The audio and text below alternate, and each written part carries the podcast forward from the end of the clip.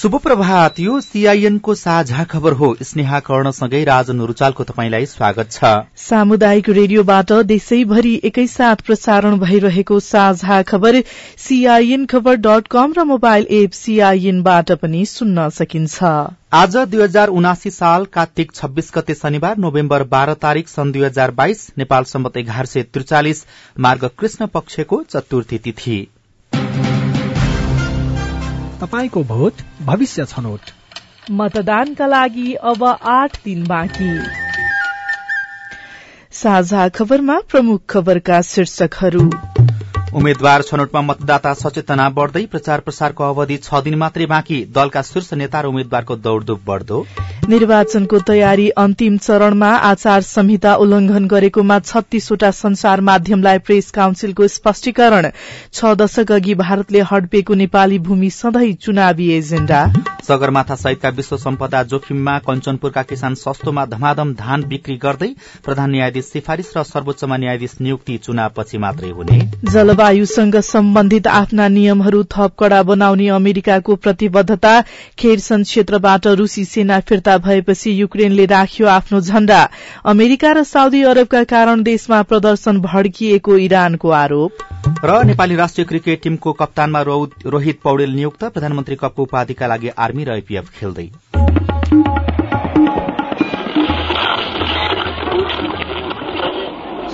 Radio. हजारौं radio कर्मी र करोड़ौं नेपालीको माझमा यो हो सामुदायिक सूचना नेटवर्क सीआईएन साझा खबरको सबैभन्दा शुरूमा चर्चा चुनावको। प्रतिनिधि सभा र प्रदेश सभाको निर्वाचनको मिति नजिकिँदैछ। निर्वाचनमा नागरिकले दिने मतका आधारमा देशले आगामी पाँच वर्षका लागि नयाँ नेतृत्व पाउनेछ। त्यसैले कस्ता उम्मेद्वारलाई छनौट गर्ने त भन्ने दायित्व र जिम्मेवारी मतदाताको काँधमा छ। निर्वाचनबाट सही नेतृत्व छानिन नसके आगामी पाँच वर्ष खेर जाने भएकाले मतदाता बढ़ी सचेत हुनुपर्छ। उम्मेद्वारजी हामीसँग कुरा गर्नु पर्यो नि त। नमस्कार। तपाईँलाई अहिले यो बाटो हिँड्नलाई चाहिँ कतिको अप्ठ्यारो भयो? धेरै अप्ठ्यारो छ। यो समस्या देख्नु भएको छैन। मैले लामो समय देखेको छु। कहिले पुर्ने त?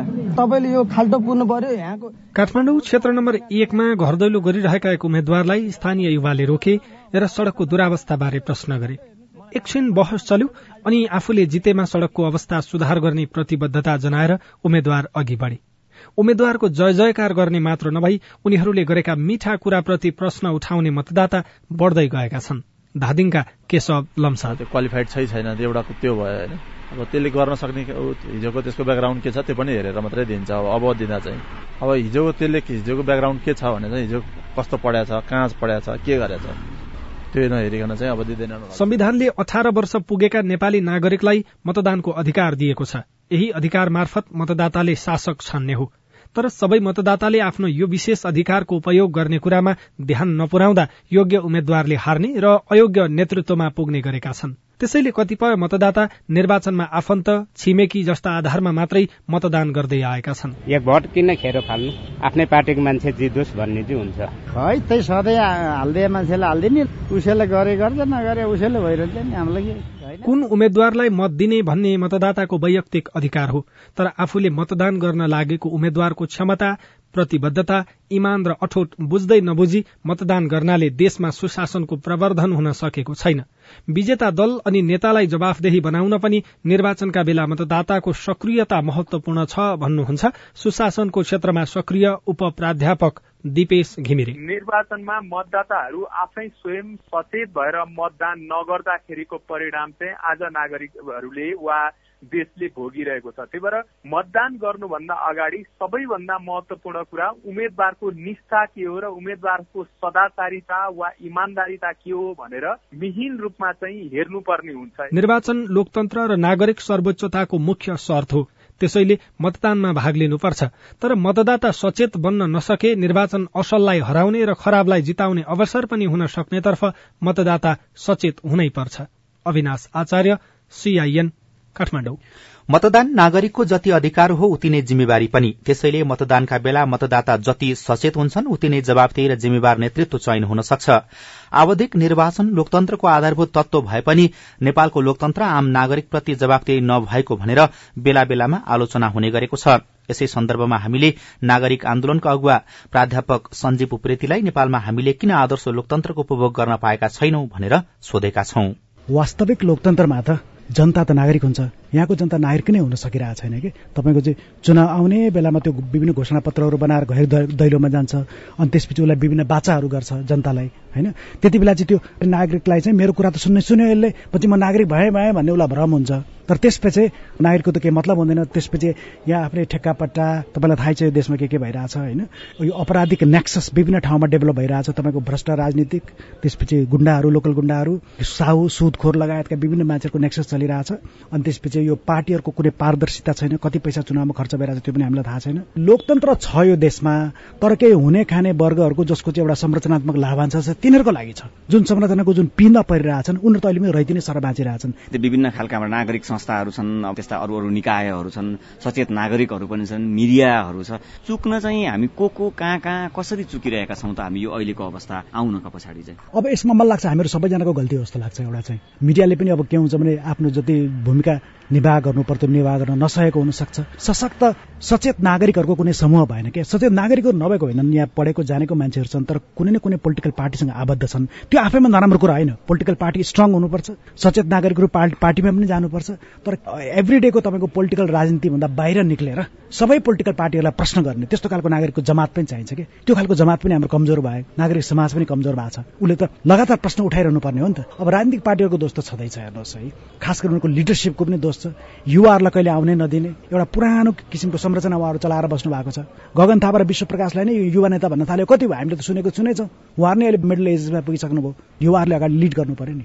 अहिलेको प्रविधि अहिलेको टेक्नोलोजी अहिलेको संसारको विश्व दृष्टि उहाँहरूलाई थाहा हुन्छ। उहाँलाई कहिले आउनै नदिने। आफ्नै एउटा पुरानो एउटा संरचना बनाएर बस्ने। मतदाताले यो निर्वाचनको सन्दर्भमा निर्वाचनको बेलामा के गर्नुपर्छ के केमा होसियारी अपनाउनु पर्छ र केमा आफ्नो भूमिकालाई बढाउनु पर्छ सबभन्दा पहिले त के हुन्छ भने उहाँहरूले चाहिँ मन लाग्छ नागरिकहरूले चाहिँ उहाँहरूको यति बेला त घर दैलोमा त जाने क्रम छ। यति बेला चाहिँ त्यो जसले भोट माग्न आउँछ उहाँहरूलाई सजिलै चाहिँ उम्किन नदिउँ भन्छौँ। उहाँलाई कठिन प्रश्नहरू सोधौँ। यो देशमा लोकतन्त्रको स्थिति के छ? यहाँ चाहिँ मान्छेलाई सहज रूपमा न्याय किन उपलब्ध हुँदैन? यसबारेमा तपाईँको पार्टीले के छ? तपाईँले के गर्नुहुन्छ? तपाईँको के छ प्लान? उहाँको कुरा त हामीहरू बुझौँ। लोकतन्त्र भनेको के हो तपाईँहरूको विचारमा? त्यो कठिन प्रश्नहरू उहाँहरूलाई सोधौँ अनि त्यसपछि आफ्नो चाहिँ दिमाग एउटा बनाऊ मनस्थिति बनाऊ। निर्वाचन आउन अब आठ दिन मात्रै बाँकी रहँदा राजनीतिक दल र उम्मेद्वारहरूले प्रचार प्रसारलाई थप तीव्र पारेका छन्। राजनीतिक दलबाट उम्मेद्वार बनेकाहरूले आफ्ना शीर्ष नेतालाई आफ्नो निर्वाचन क्षेत्रमा बोलाएर मत माग्ने माहौल बनाइरहेका छन् भने स्वतन्त्र उम्मेद्वारहरू पनि आफ्ना समर्थक सहित मत मागिरहेका छन्। सत्ता गठबन्धनका शीर्ष नेताहरू ठाउँ ठाउँमा पुगेर आफ्ना उम्मेद्वारलाई जिताएको खण्डमा मन्त्री बनाइदिने आश्वासन दिइरहेका छन्। यस्तै अर्को पक्षको विरोध गर्दै आफ्नो पक्षमा मत माग्ने क्रम पनि चलिरहेको छ। निर्वाचन आयोगले प्रचार प्रसार गर्दा सभ्य तरिकाले गर्न तथा आचार संहिताको पूर्ण पालना गर्न अनुरोध गरिरहेको छ। तर पनि उम्मेद्वार तथा राजनीतिक दलले आचार संहिता उल्लंघन गर्न छाडेका छैनन्। दलहरूको लागि अब प्रचार गर्ने समय छ दिन मात्रै बाँकी छ। त्यसपछिको दुई दिन मौन अवधि हुने र सो समयमा दलहरूले प्रचार प्रसार गर्न नपाउने भएकाले अबको छ दिनमा उम्मेद्वारहरूले आफ्नो सम्पूर्ण प्रचारको काम सक्नुपर्ने हुन्छ। निर्वाचन आयोगले पनि निर्वाचन गराउने प्रक्रिया अन्तिम चरणमा पुगेको बताएको छ। सीआईएनसँग कुराकानी गर्दै आयोगका प्रवक्ता शालिग्राम शर्मा पौडेलले भन्नुभयो जिल्ला जिल्लामा सामग्रीहरू पुगिसकेका छ मतपत्र पुगिसकेका छ त्यसको अनबन्डलिङ बन्डलिङ गर्ने कामहरू जारी छन्। अहिले मतदान अधिकृत सहायक मतदान अधिकृतको ठाउँ ठाउँमा तालिमहरू भइराखेको छ।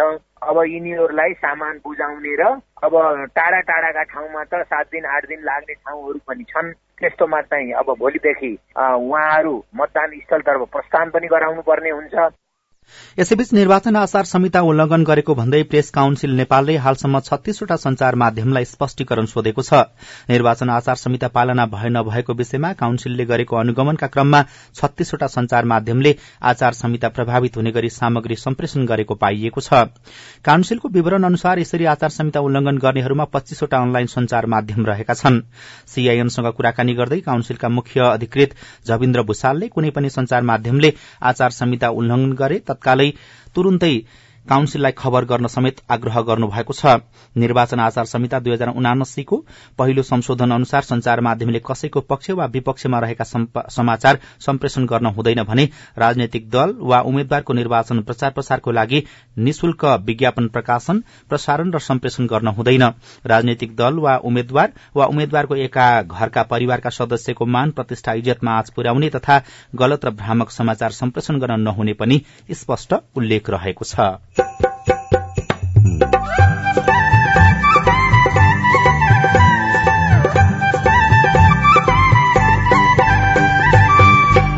सामुदायिक सूचना नेटवर्क सीआईएन मार्फत देशभरि प्रसारण भइरहेको साझा खबरमा रोजगारी सिर्जना किन दलहरूको चुनावी नारामा सीमित?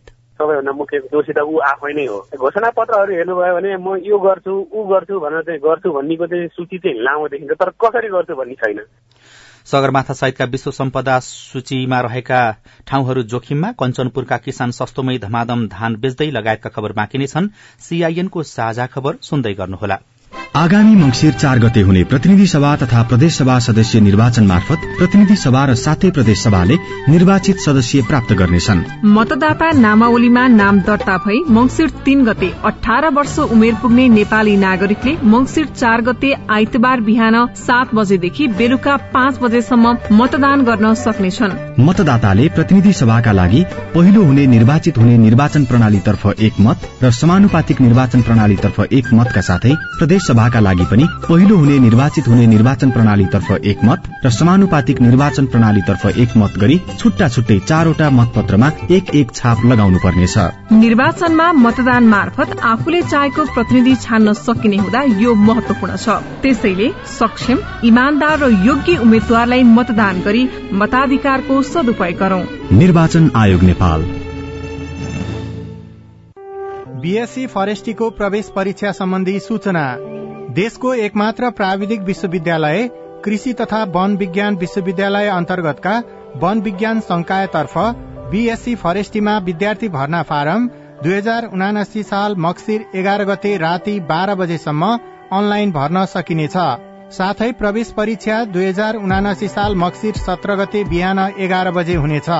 थप जानकारीको लागि WWW dot AFU dot EDU dot एनपीमा हेर्न सकिनेछ। सम्पर्क फोन नम्बर शून्य सन्ताउन्न पाँच तेइस दुई सय अडचालिस सामाजिक रूपान्तरणका लागि यो हो सामुदायिक सूचना नेटवर्क सीआईएन तपाईँले देशभरिका सामुदायिक रेडियो सीआईएन खबर डट कम र मोबाइल एप सीआईएनबाट एकैसाथ साझा खबर सुन्दै हुनुहुन्छ। मोबाइल एप नेपाली पात्रोबाट पनि सीआईएनको साझा खबर सुनिरहनु भएको छ। अब आज काठमाडौँबाट प्रकाशित पत्र पत्रिकाका खबर। कान्तिपुर दैनिकको भित्री पृष्ठमा छ दशक अघि भारतले हडपेको नेपाली भूमि सधैँ चुनावी एजेण्डा शीर्षकमा मणि दाहालले खबर लेख्नु भएको छ। भारत चीन युद्ध सकिएको आउँदो मंगिर पाँचमा साठी वर्ष पूरा हुँदैछ। त्यो एकतीस दिने युद्धको असर भारत र चीनमा मात्रै सीमित रहेन पूरै एसियामा पर्यो।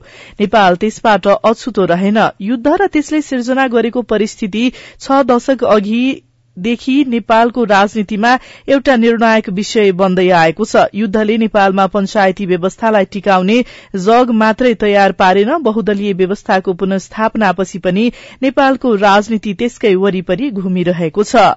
आसन्न चुनावमा पनि त्यही युद्धको बाई प्रोडक्टका रूपमा रहेको कालापानीमा भारतीय अतिक्रमणको विषय मुद्दाको रूपमा भित्रिसकेको छ जसको संकेत गत शुक्रबार नेकपा एमाले दार्चुलाको खलंगाबाट राष्ट्रिय चुनावी अभियान शुरू गरेर देखाइसकेको छ। भारतले हडपेको नेपाली भूमि कालापानी लिपुलेक लिम्पियाधुरा समेटिएको चुच्चे नक्सालाई एमाले आफ्नो चुनावी मुद्दा बनाएको छ। आफ्नो पार्टीले जितेपछि भारतसँग वार्ता गरेर गुमेको जमीन फिर्ता ल्याउने अभिव्यक्ति एमाले अध्यक्ष केपी शर्मा ओलीले हालै दार्चुलाको खलंगामा दिनुभयो। सत्तारूढ़ गठबन्धनले पनि यसलाई व्यवस्था गरेर जान सक्ने अवस्था पनि देखिन्न। बुधबार मात्रै प्रधानमन्त्री तथा कांग्रेस सभापति शेरबहादुर देउवा र माओवादी केन्द्रका अध्यक्ष पुष्पकमल दाहाल प्रचण्डले दार्चुलाको गोकुलेश्वर पुगेर सीमाको विषयमा राजनीतिक दलहरू एकै स्थानमा रहेकाले यसमा राजनीति गर्न नहुने उनीहरूको तर्क थियो। चुच्चे नक्सासँगै जोडिएर आउने विषय नेपालको कालापानी क्षेत्रमा रहेको भारतीय सैनिक ब्यारेक पनि हो। सन् उन्नाइस सय बैसठीको भारत चीन युद्धपछि उत्तर पश्चिम बिन्दुमा रहेको नेपालको सामरिक दृष्टिले महत्वपूर्ण कालापानी क्षेत्रमा स्थायी रूपमा भारतीय सुरक्षा फौज बसिरहेको छ जुन नेपाल भारत सम्बन्धको सबैभन्दा ठूलो समस्याको रूपमा रहेको छ। ओली प्रधानमन्त्री हुँदा लिम्पियाधुरा समावेश गरी नेपालको नयाँ नक्सा जारी गरिएको थियो। नयाँ नक्सा अनुसार भारतले पश्चिम उत्तर बिन्दुमा तीन सय पचासी वर्ग किलोमिटर भूभाग अतिक्रमण गरेको छ। नयाँ पत्रिका दैनिकको पहिलो पृष्ठमा शिल्पा कर्णले लेख्नु भएको खबर छापिएको छ। सर्वोच्चमा नौ महिनादेखि कायम मुकायमको भरमा चलिरहेको कुरा र प्रधान न्यायाधीश सिफारिश र सर्वोच्चमा न्यायाधीश नियुक्त अब चुनावपछि मात्रै हुने कुरा समाचारमा उल्लेख गरिएको छ। नौ महिनादेखि कायम मुकायमको भरमा चलेको न्यायालयमा निर्वाचनका कारण प्रधान न्यायाधीश र न्यायाधीश नियुक्ति प्रक्रिया लम्बिएको छ। छब्बीस मंगिरदेखि सर्वोच्चमा प्रधान न्यायाधीश रिक्त हुने भए पनि चुनाव अघि सिफारिश नहुने भएको हो। निर्वाचनपछि पनि संसदीय सुनवाई समिति गठन भई सिफारिश स्वीकृत भएपछि मात्रै मात्रै नियुक्ति हुने भएकाले अझै केही महिना सर्वोच्च अदालत कायम मुकायम प्रधान न्यायाधीशकै भरमा चल्ने देखिएको छ। त्यस्तै दुई महिना अघि सर्वोच्चमा सिफारिश भएका तीनजना न्यायाधीशको नियुक्ति पनि करिब दुई महिना लम्बिएको बताइएको छ। त्रुटि संवैधानिक भएको सर्वोच्चका पूर्व न्यायाधीश बलराम केसीले टिप्पणी गर्नुभएको छ। संसदीय सुनवाई भएपछि मात्र नियुक्त हुने हाललाई साविक पदमै कायम रहनेछन् भनेर निर्णयमै उल्लेख गर्नुपर्ने थियो तर त्यसो नभएका कारण यस्तो समस्या निम्तिएको उहाँको टिप्पणी छ। गोर्खापत्र दैनिकको पहिलो पृष्ठमा सगरमाथा सहितका विश्व सम्पदा जोखिममा शीर्षकमा खबर लेखिएको छ। विश्वव्यापी तापक्रमको उच्च वृद्धिसँगै हिम गलनको स्थिति बढ़दा नेपालको सर्वोच्च शिखर सगरमाथा क्षेत्रको सगरमाथा राष्ट्रिय निकुञ्ज सहित विश्वका पचासवटा विश्व सम्पदा क्षेत्र सन् दुई हजार पचाससम्ममा लोप हुने अवस्थामा पुगेका छन्। संयुक्त राष्ट्र संघीय शैक्षिक वैज्ञानिक तथा सांस्कृतिक संगठन युनेस्कोले कोप सत्ताइस अघि सार्वजनिक गरेको प्रतिवेदन अनुसार विश्वव्यापी तापक्रम वृद्धिको असरले हिमाली क्षेत्रको हिमगलनमा तीव्रता आएकाले ती क्षेत्रमा रहेका विश्व सम्पदा सूचीका प्राकृतिक सम्पदा लोप हुने अवस्थामा पुगेको देखाइएको छ। कान्तिपुर दैनिकमा सस्तोमै धमाधम धान बिक्री हुँदै भनेर कञ्चनपुरबाट भवानी भट्टले लेख्नु भएको खबर छापिएको छ। सरकारले धानको समर्थन मूल्य निर्धारण गरे पनि किसानले सस्तोमा धान बेचिरहेका छन्। खाद्य व्यवस्था तथा व्यापार कम्पनीले धान खरिद शुरू नगर्दा किसान व्यापारीलाई सस्तोमा बिक्री गर्न बाध्य भएका हुन्। गहुँ मुसुरो तोरी लगायतका नयाँ बाली लगाउन आवश्यक जोताई मलखाद र बिउ किन्न रकमको जोहो गर्न धेरै see साना किसानले सस्तोमा धान बिक्री गरिरहेको खबरमा उल्लेख गरिएको छ सीमित ठूला किसानहरू मात्रै खाद्य कम्पनीले खरिद गर्ने समय कुरेर बसेका छन्। कञ्चनपुरमा करिब पचास हजार हेक्टरमा धान खेती गरिन्छ। त्यहाँ धानको उत्पादकत्व प्रति हेक्टर चार मेट्रिक टन रहेको छ। यस वर्ष पनि विगतकै हारारीमा उत्पादन भएको कृषि ज्ञान केन्द्रले जनाएको छ। नयाँ पत्रिका दैनिकको भित्री पृष्ठमा अर्थतन्त्रमा मन्दी छाएपछि उद्योगमा लगानी घट्यो शीर्षकमा खबर लेखिएको छ। आन्तरिक तथा बाह्य कारणहरूले देशको अर्थतन्त्र संकटोन उन्मुख भएसँगै नयाँ लगानीका उद्योग र कम्पनी दर्ता पनि घटेको छ। चालू आर्थिक वर्षको पहिलो साढे तीन महिनामा अघिल्लो वर्षको सोही अवधिको तुलनामा छब्बीस प्रतिशतले उद्योग दर्तामा कमी आएको छ। चालू आर्थिक वर्षको सत्र कार्तिकसम्म कुल छयानब्बे अर्ब सोह्र करोड़ स्वदेशी तथा विदेशी लगानी प्रतिबद्धता सहित उनानब्बे उद्योग दर्ता भएका छन् जबकि गत वर्ष यही अवधिमा एक खर्ब तीस अर्ब अन्ठाउन्न करोड़ लगानी प्रतिबद्धता गरिएका एक सय सात उद्योग दर्ता भएका थिए।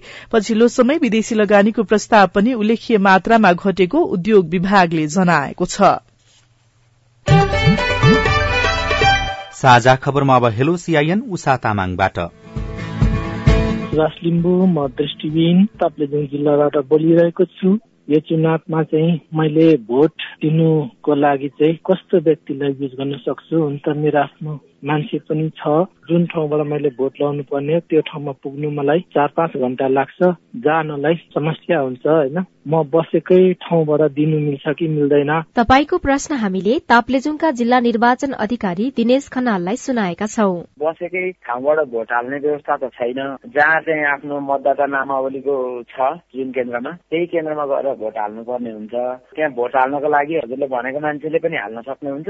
नभए मतदान अधिकृतले हजुरले भन्नुभएको चिन्हमा चाहिँ मत सङ्केत गरिदिनुहुन्छ।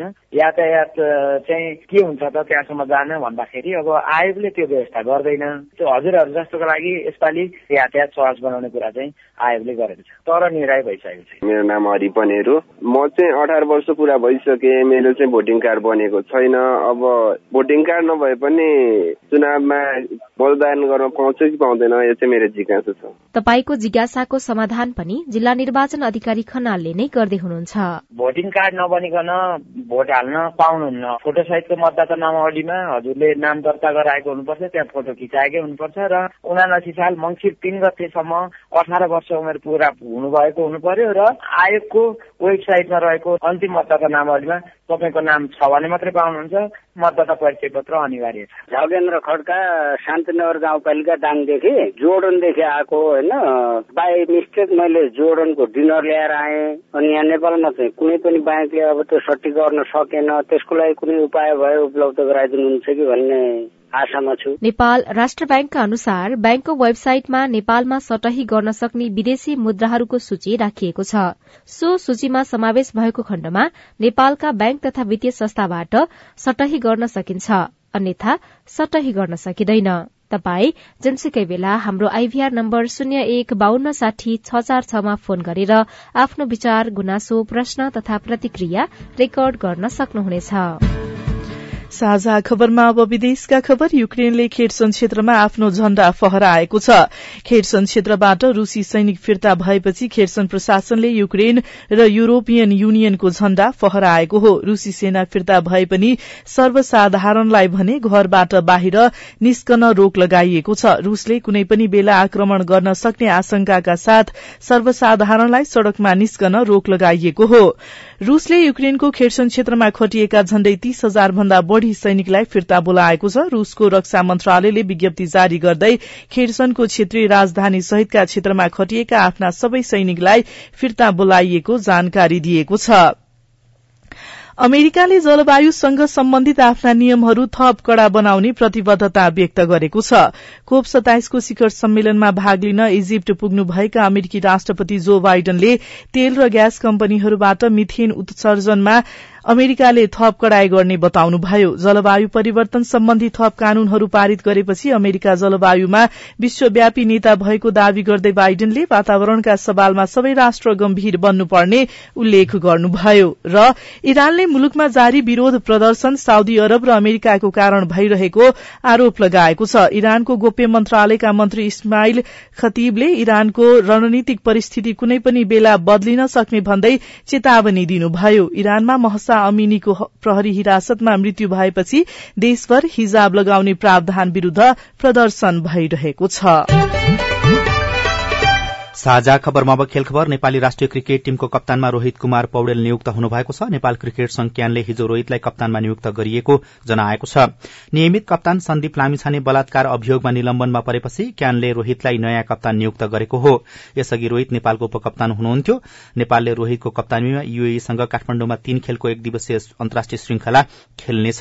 यसैबीच यूएईसँग खेल्ने नेपाली टीमको घोषणा पनि गरिएको छ जसमा रोहितसँगै ज्ञानेन्द्र मल्ल करण केसी सोमपाल कामी कुशल भुर्तेल आरिफ शेख ललित राजवंशी दिपेन्द्र सिंह एरी आसिफ शेख लगायतका खेलाड़ी परेका छन्।